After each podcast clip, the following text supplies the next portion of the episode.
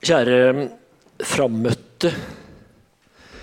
Velkommen til denne kvelden med Tor Espen Aspås, som jeg skal si mer om. Men jeg, jeg, slår fast, eller føler at dette er et særlig interessert og kompetent publikum. Det tror jeg ligger i sakens natur, på en måte. Ja.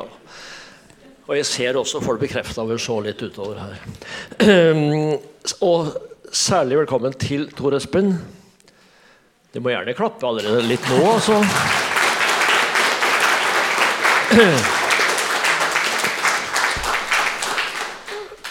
Eh, jeg skal komme tilbake til han. Jeg skal likevel si bitte litt først om den serien som det her inngår i. Nemlig den som etter hvert nå begynner å, å, å går på siste verset, under tittelen 'Hva er da et menneske?' Og I kveld skal vi da ta for oss mennesket i musikken. Eh, den serien går mot slutten likevel sånn at i, allerede neste uke så kommer en som heter for Erik Stenvik, som har skrevet en bok om norsk den norske bonden og livet på bygda. Eh, det heter for Bondevett. og Han skal da møte Hans Rotmo til samtale under tittelen 'Sunt bondevett eller bønder i solnedgang'. Uka deretter så kommer Agnes Ravatn. Og skal, Da skal vi snakke om den siste boka hennes, men også om hele det prosjektet hennes med kritikken av og, og tilbaketrekninga fra alle skjermer og mobiltelefoner og få livet sitt under kontroll. Det, det, det, kan bli spennende. Det er vel det som da skjer, skjer før jul. Og så håper jeg på avslutning av hele serien etter jul, der vi skal ha det store trekløveret i norsk samfunnsdebatt. Thomas Hylland Eriksen, Dag Hesten og Arne Johan Vettelsen rundt samme bord. Så de får bare følge med på Litteraturhusets hjemmeside, der alt det her blir um, omtalt og, og kunngjort. Tor Espen Aspås, nå må du nærme deg litt her, da, sånn fram i, mer og mer gradvis fram i lyset.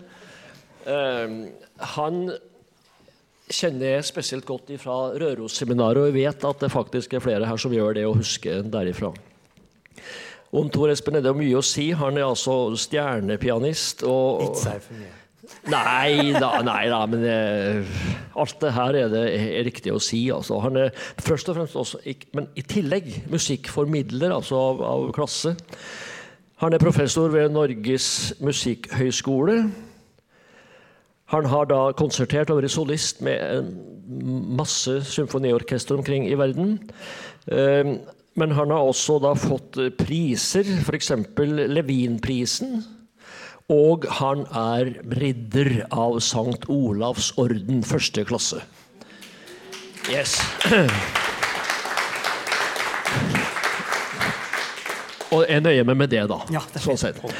I kveld skal han da under tittelen 'Beethoven og Ibsen variasjoner over menneskets lodd'. Det høres veldig bra ut, altså.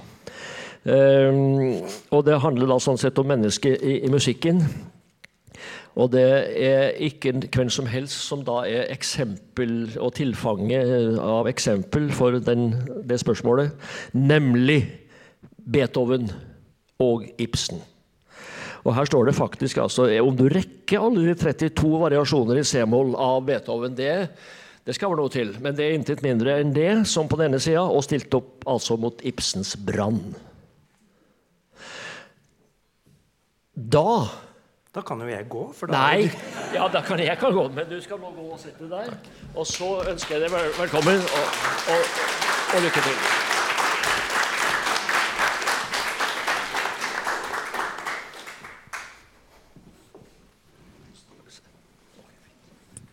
thank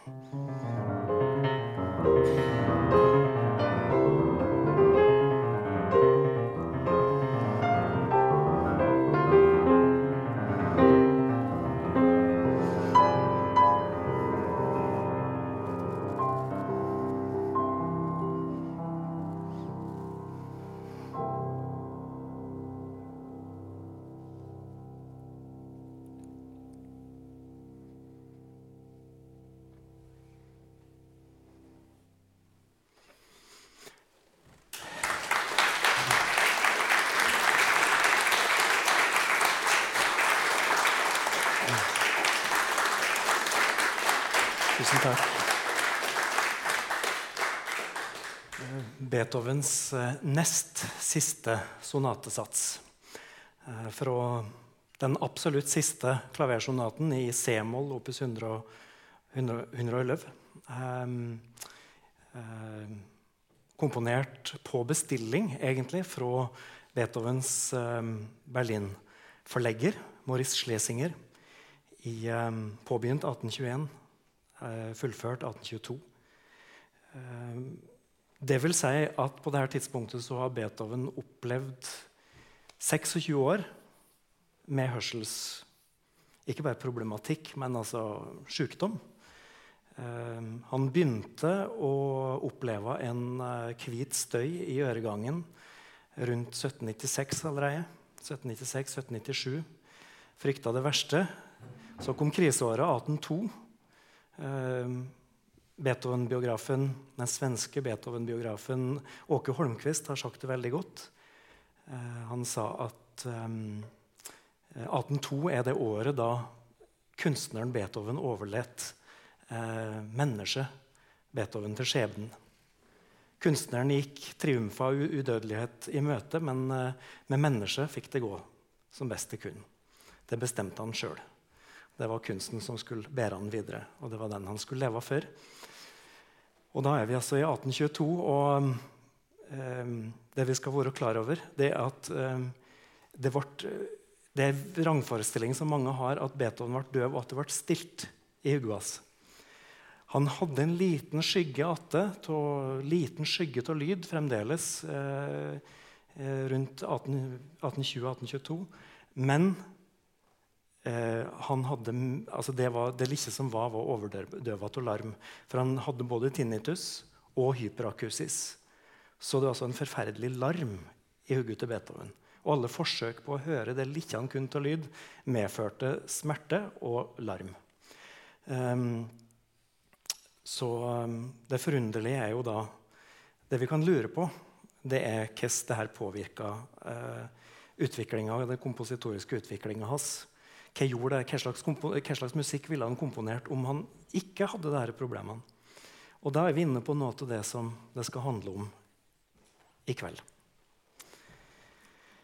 Um, personlig så er jeg da til den oppfatninga at um, alvoret er latterlig undervurdert i vår tid. Og For å rette opp i det så ønsker jeg da vel møtt en seriøs kveldstime. Og vi skal med et livsens alvor behandle tema som eh, menneskets lodd og eksistensen og døden og den slags nachspiel-tema.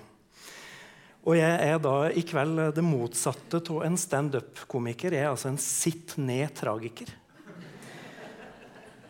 Og dere vet jo alle hva en hyggepianist er for noe.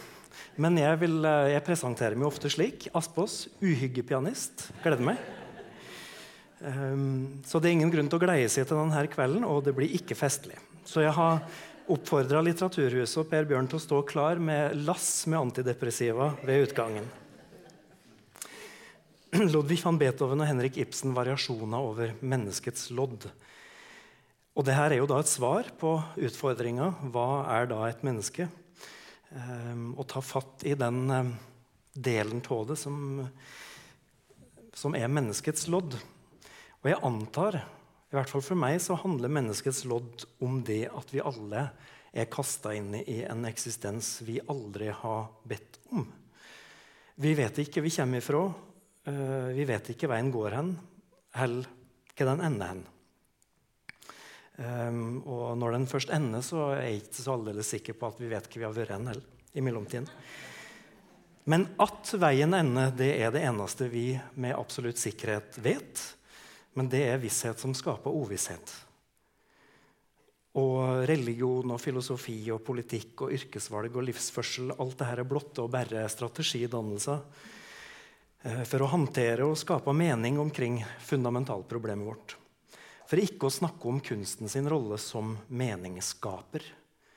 For alle kunstverk som fortjener navnet, handler vel på djupest nivå om sonderinga av nettopp menneskets lodd. Eh, tenk på Dante, Michelangelo, da Vinci, Shakespeare, Bach, Beethoven, Ibsen, Emily Dickinson, Edvard Munch, Virginia Woolf, Jon Fosse. Karl Ove Knausgård for den del. Alle er bare variasjonsrekka over ett og samme tema. Eh, som jeg tror vi kan eh, redusere til, til, et eller annet som har med menneskets lodd å gjøre. Men før vi gjør et forsøk på å belyse menneskets lodd gjennom å dobbelteksponere og samportrettere Beethoven og Ibsen, så vil jeg starte med å trekke linja helt fra Johan Sebastian Bach og ei anna variasjonsrekke.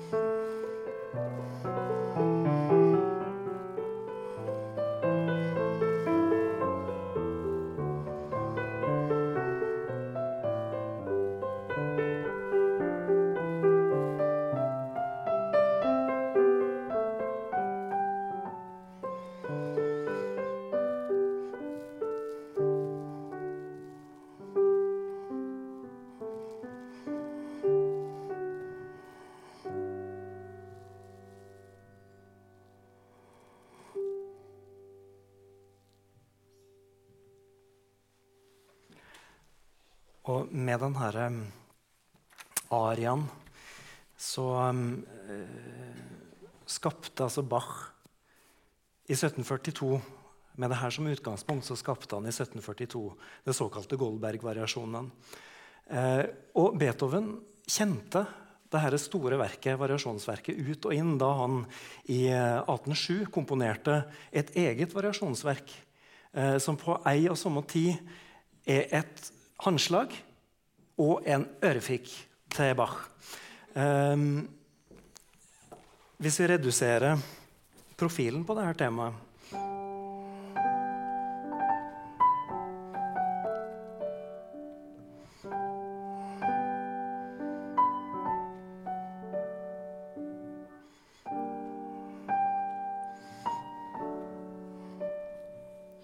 så trenger vi bare å transponere det C-moll og endre karakteren.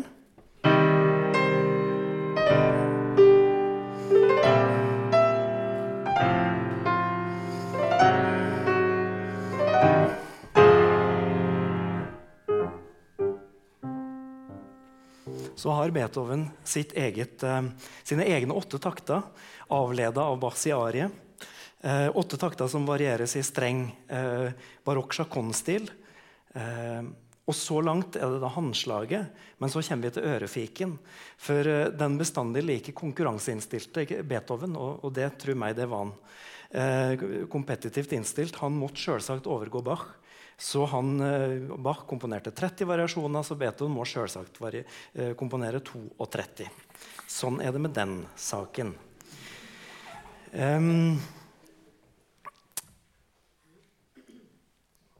Jeg fikk altså et spørsmål som fikk snøballen til å begynne å rulle en god stund før det spørsmålet kom fra Per Bjørn og Litteraturhuset. Um, jeg ble spurt hvem av Ibsen sine rollefigurer jeg mente lå nærest um, Beethoven i karakter og personlighet. Og jeg gikk grundig til verks. Jeg gikk over alle Ibsens dramatiske personer. Eh, og så langt, Hvis jeg har telt rett, så har Ibsen 318 eh, navngitte rollekarakterer. Um, men egentlig så kunne jeg ha spart meg det, den gjennomgangen, fordi at svaret ga seg, mente jeg i utgangspunktet sjøl. Um, ehm, Beethoven sin tvillingsjel i Ibsen-universet, det er presten Brand. Og um, Brand er en ildsjel som setter fyr på seg sjøl og alle rundt seg. En kompromissløs og kompleks mann som ofrer medmenneskene sine i søket etter det absolutte og det sanne. Og Både Brann og Beethovens biografier har det til felles at de kan lese på like mange måter som det fins lesere. Um, der enkelte ser en fundamentalist og en fanatiker i Brann, så finner andre en kompromissløs idealist Kanskje til og med en glødende humanist som bare tok valgte feil exit i den sosialdemokratiske rundkjøringa. Og det finnes en mengde eh, Beethoven-sitat i et tonefall som kun har kommet ut eh, til Brann sin munn. Wem meine Musik sich verständlich macht, der muss frei werden von all dem Elend, womit sich die anderen schleppen. Den som vil forstå min musikk, må kvitte seg med all elendigheten de andre drasser rundt på. Eller f.eks. Eh, det berømte brevet som Beethoven skrev i 1806. Eh, høsten 1806, november 1806. Han hadde hatt en forrykende krangel. Nesten håndgemeng med, med um, sin uh, beskytter og mesen, prins Carl von Lichnowsky. Og Beethoven setter seg, da resolutt ned og så skriver han dette brevet. Og det er så kort at det kan vi ta i sin helhet. Han skriver prins. Det de er, er de i kraft av arv og omstendigheter. Jeg er hva jeg er, utelukkende i kraft av meg selv. Det har eksistert og vil eksistere tusenvis av prinser, men av Beethoven finnes kun én.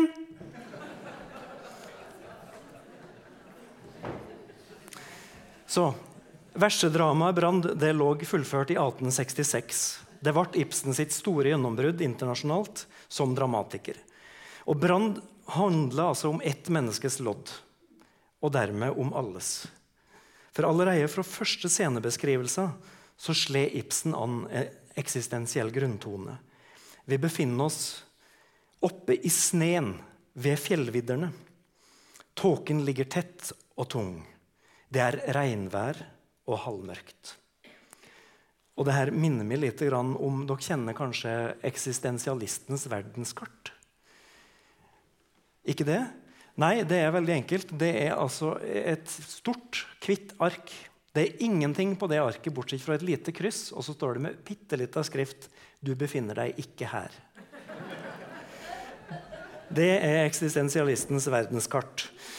Og mennesket som et uh, famlende og vegløst vesen tematiseres fra første stund, fra første replikkvekslinga mellom den feige bonden, veiviseren som vil snu, i stedet for å vise Brann eh, fram. Og Brann, som da vil trosse alle farer, hende det som henne vil, bare han kan komme fram til noe absolutt. Til sannhet med stor S.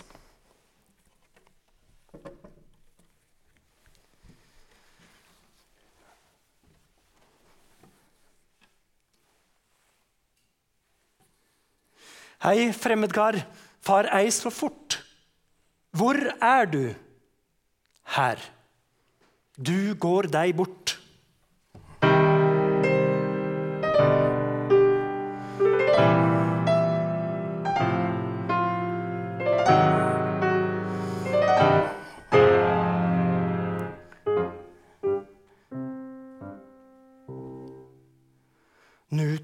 Tykner skodden slik at knapt den ser så langt som staven rekker. Her er spriker, her er sprekker, og hvert et veispor har vi tapt.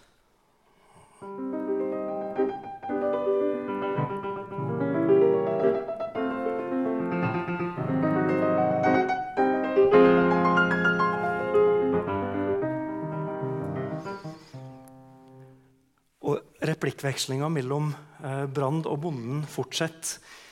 Frem må jeg, som jeg før har sagt. Ja, det evner ingen mannemakt. Jeg må, jeg går en stor manns bud. Hva heter han? Han heter Gud. Og, og hva er du for noe? Prest. Ja, kan hende det, men jeg vet best. Hør, prest. Om en er klok og lært, han kan ei det som er for svært.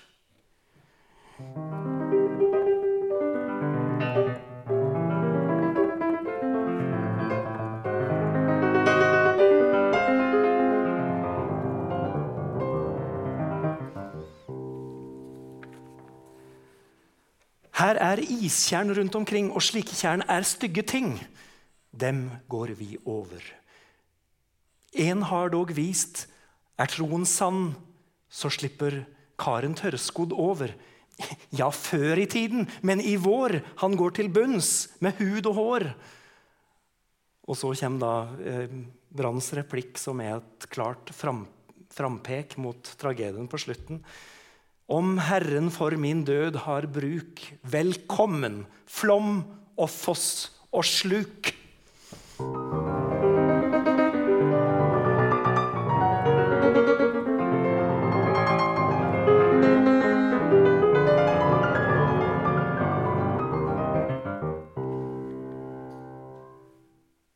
Men gadd du give livet med? Hva? Livet? Kjære vene. Nå? Ja, men det er da måte på.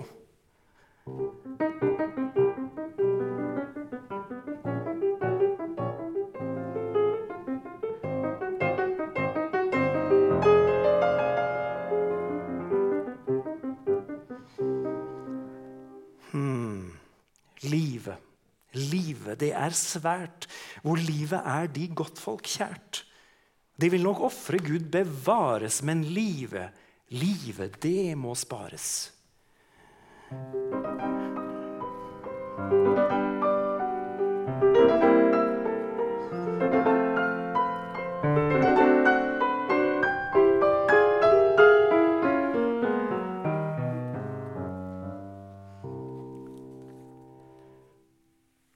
Lett at løfte, tungt at bære.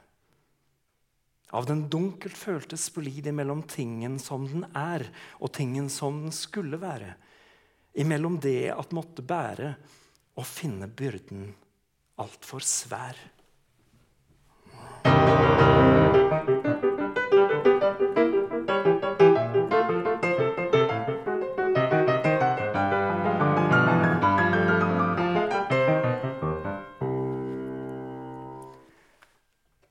Og så får vi et eksempel på hvordan Ibsen er i stand til å streke opp et helt menneske og et helt liv og en hel karakter i en og en halv setning. Eh, fogden er på en måte mm, kanskje Branns rakeste motsetning. Eh, han representerer slappsinnet. Se der er fogden kun. Velvillig, vever, rask og rund med hendene i begge lommer lik klammer om en parentes. Og Brann sier da til fogden, 'Min flokk er sterk, jeg har de beste'. Og fogden svarer, 'Mulig det, men jeg de fleste'. Men aldri sort, dog vorder hvitt. Min kjære venn, det hjelper lite at kalle noe hvitt som breen når mengden roper 'sort' som sneen. Ja, du roper kanskje med. Nå, nå, jeg roper ikke sort, men grå.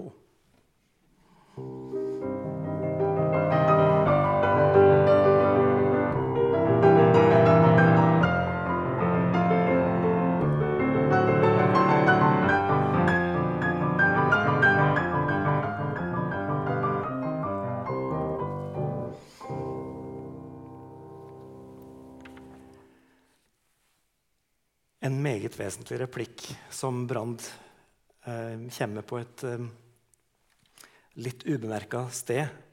Egentlig 'Jeg var en hjemløs mellomgjer'. Den mann som målet vet og vil, fornummet har i skrift av ilde Guds rop. Her, du hører til.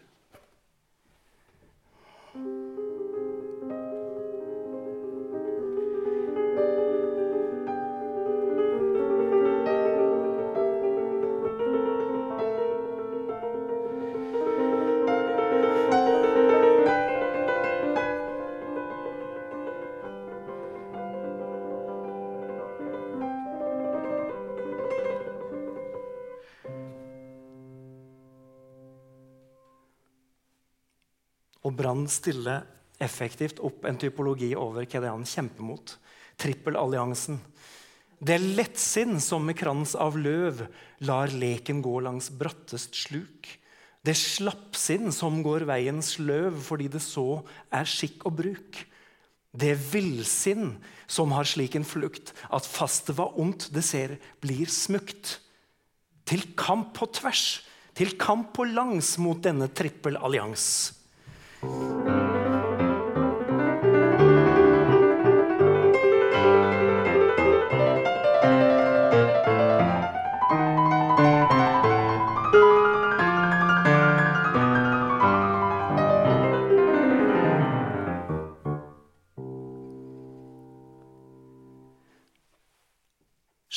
lys fra dunst.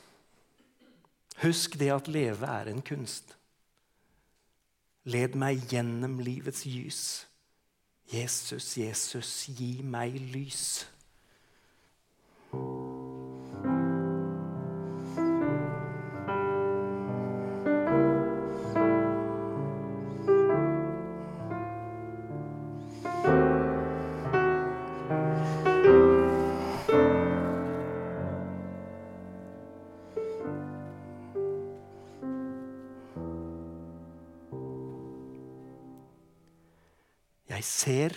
Jeg ser mitt kall.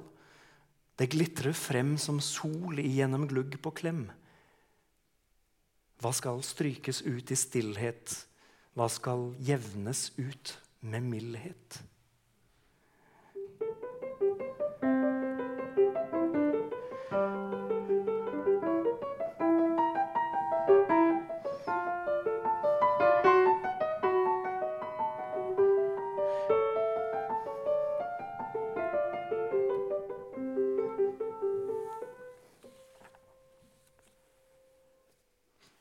Brann forlover seg med Agnes. Eh, og de blottestiller sitt indre for hverandre med en praktfull dobbeltreplikk. For først så sier Agnes Hjertet lik en verden vider fulgt seg ut til alle sider. Mens Brann da peker, svarer med å peke i stikk motsatt retning. Innad. Innad.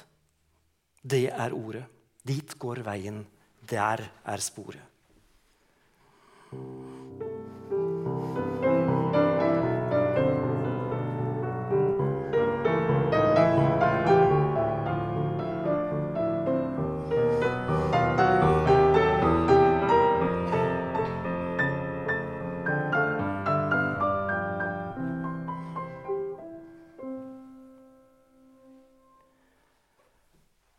Hva finn Brann da der inne? Endeløst er her at sone. Så vilt, så bråket filtres inn de tusen skjebnetråders spinn. Svimmeldype nattegåte, ingen makter deg at råde.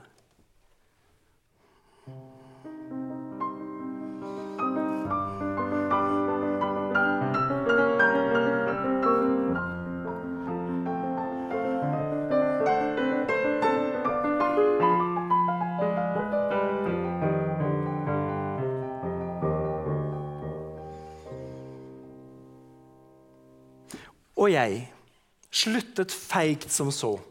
Dobbelt opp, det må forslå. Femfold opp, jo, det må virke. Og jeg så ei at det gjaldt enten intet eller alt.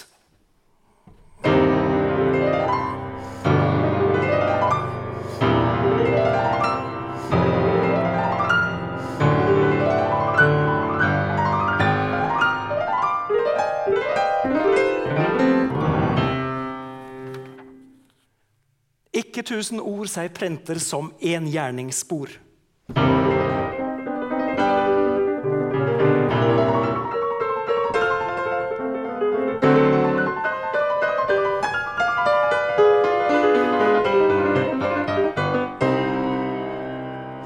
Hvor kraft ei er, der er ei kall. Kan ei du være hva du skal, så vær alvorlig hva du kan. Vær helt og holdent mullets mann plass på hele jordens hvelv til at være helt seg selv, det er lovlig rett for mannen, og jeg krever ingen annen. Kallet er seg selv at være, lett at løfte, tungt at bære.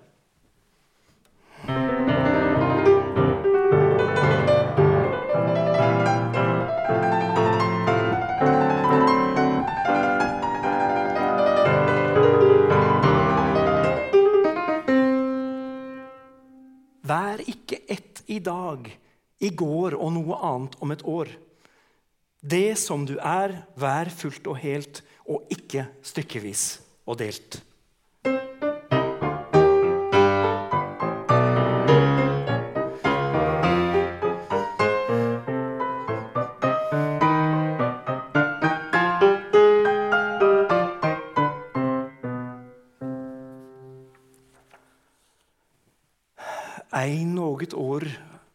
Sølet ned i løgn som ordet kjærlighet.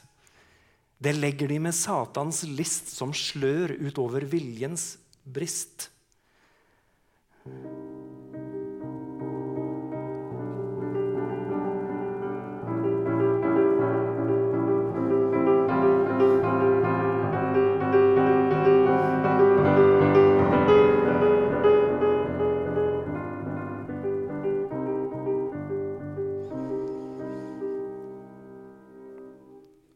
Skrekk for straff og håp om vinning er Kains merke på din tinning.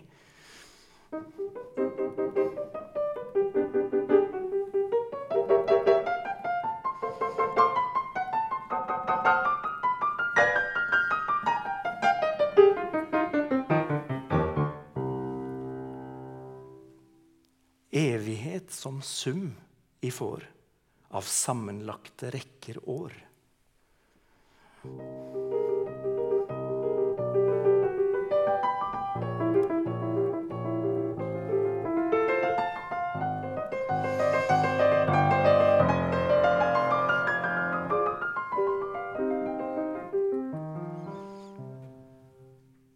Det er viljen som det gjelder.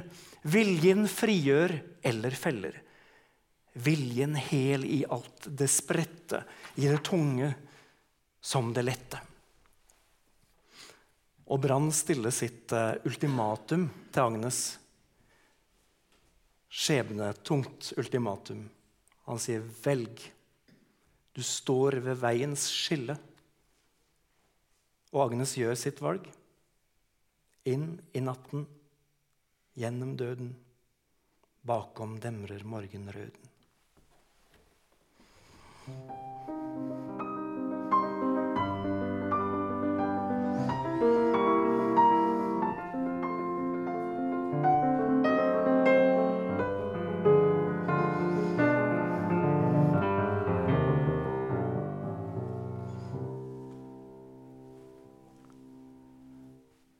Sjel. Vær trofast til det siste.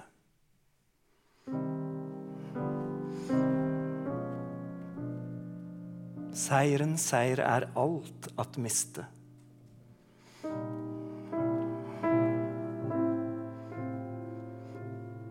Tapets alt din vinning skapte.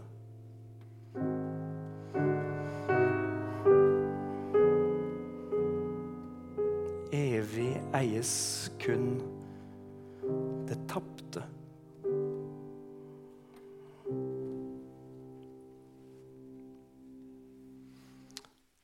Og Brann har på dette punktet mista Agnes, kona si, mista sønnen Alf, mista mor si. Eh, og så er da spørsmålet hva slags skyld, eller hvor mye skyld, eller hva slags skyld han har i det. Kravet var en lillefinger for at fange helt min hånd. Det var akkordens ånd. Hvor lenge striden vare skal, den vare skal til livets ende. Til I har alle ofre brakt og løst dere fra akkordens pakt. Til I har viljen hel i hende, til alle feige tvilsmål falt, forbudet intet eller alt.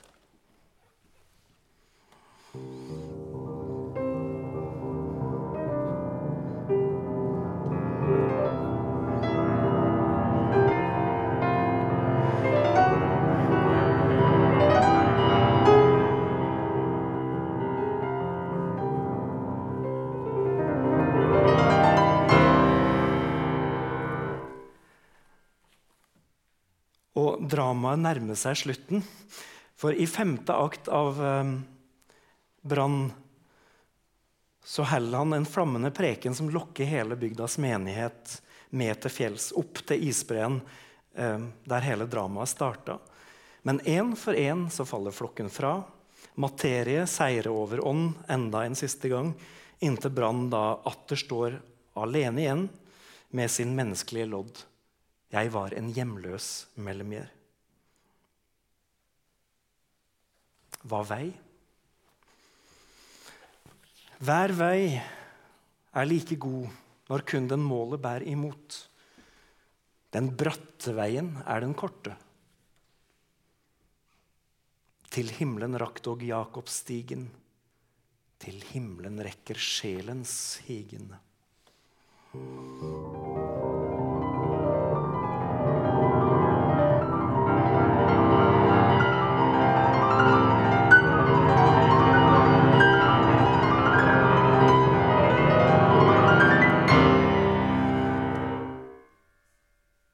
Jeg drømt? Er nu jeg våken? Alt er grått og dulgt i tåken.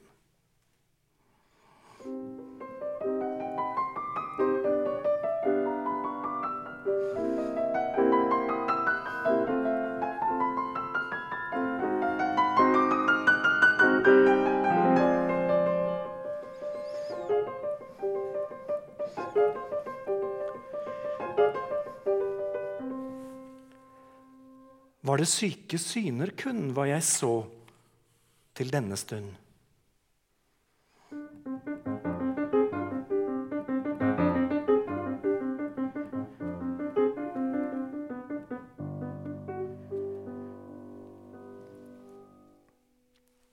Til i dag Det gjaldt at blive tavlen hvorpå Gud kan skrive. Fra i dag, mitt livsens dikt, skal seg bøye varmt og rikt.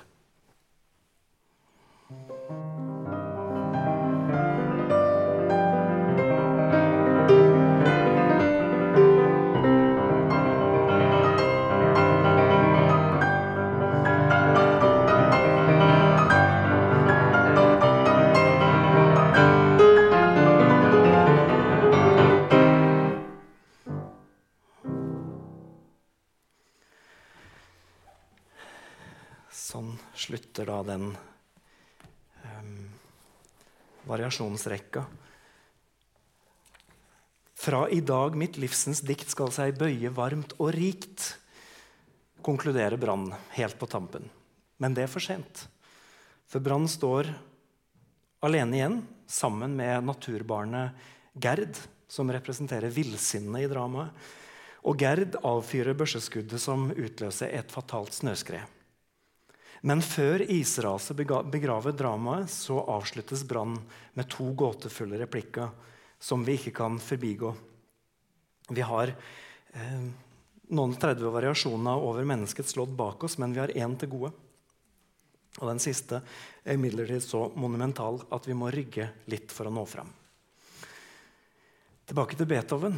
For i 1819 så får han et brev fra noteforleggeren Antonio Diabelli og brevet er vedlagt en liten vals som Diabelli har komponert og sendt til 50 sentrale komponister, de 50 mest sentrale komponistene i datidas Europa, med en oppfordring om at de alle skal skrive én variasjon hver over forleggerens tema. Og Diabelli sin vals, den går slik.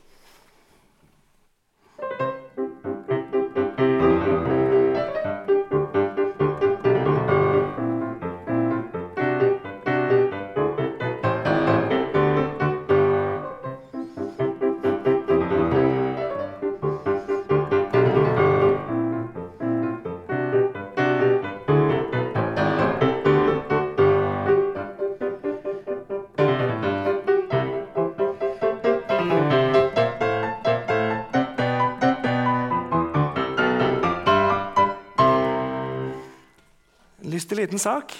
Men saken er jo det at uh, Beethoven blir rasende. For, uh, og han kaller altså dette temaet for en sjosteflekk. Uh, det vil si, altså, I, i skomakerfaget så er det en sånn skjøtelapp, altså en sånn lærlapp som skal skjøte på sko som, har, som ikke har det så bra.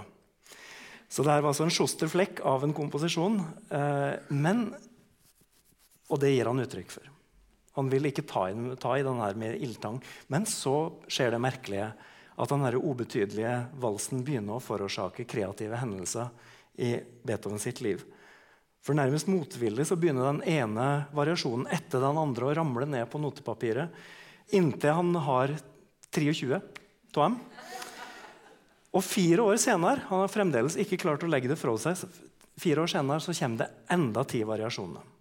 I alt 33 variasjoner musikkhistoriens største variasjonsverk. Ufrivillig forårsaka av et uønska, ja, kanskje i utgangspunktet regelrett hata tema. Og Da Beethoven komponerer sin eh, 32. og siste klaversonate i 1822, som dere jo hørte eh, første satsen fra innledningsvis, så er han fremdeles ikke ferdig med Diabelli sitt tema. Det trenger seg på enda en siste gang.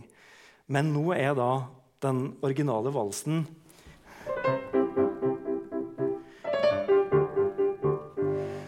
transformert. Den er fullstendig forvandla til en langsom og sangbar arietta.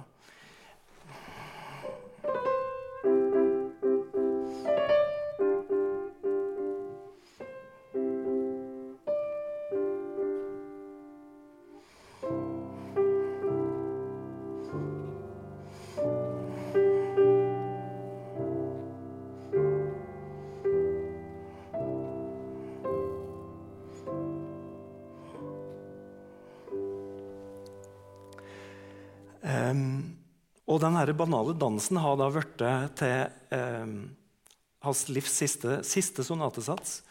Eh, funnet verdig til å stå som selve sluttstenen i Beethovens sonatekatedral. Eh, før vi går dit, så skal vi tilbake til Brann og de to siste replikkene i dramaet. Vi er nå der at børseskuddet har utløst et enormt skred. Snø og is som dundrer ned gjennom fjellsidene og i dalføret. Men før han blir begravd, under massene, så roper Brann. Svar meg, Gud, i dødens sluk. Gjelder ei et frelsens fnugg, manneviljens kvantum satis. Og her har vi et lite vitnesbyrd om at eh, Ibsen tross alt hadde vært apotekerlærling. For kvantum satis det er, det er altså den eh, som jeg har forstått den virksomme delen.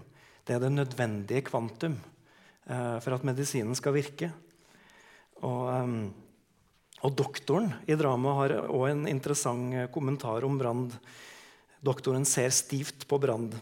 Ja, manneviljens kvantum satis står bokført som din rikdoms rad.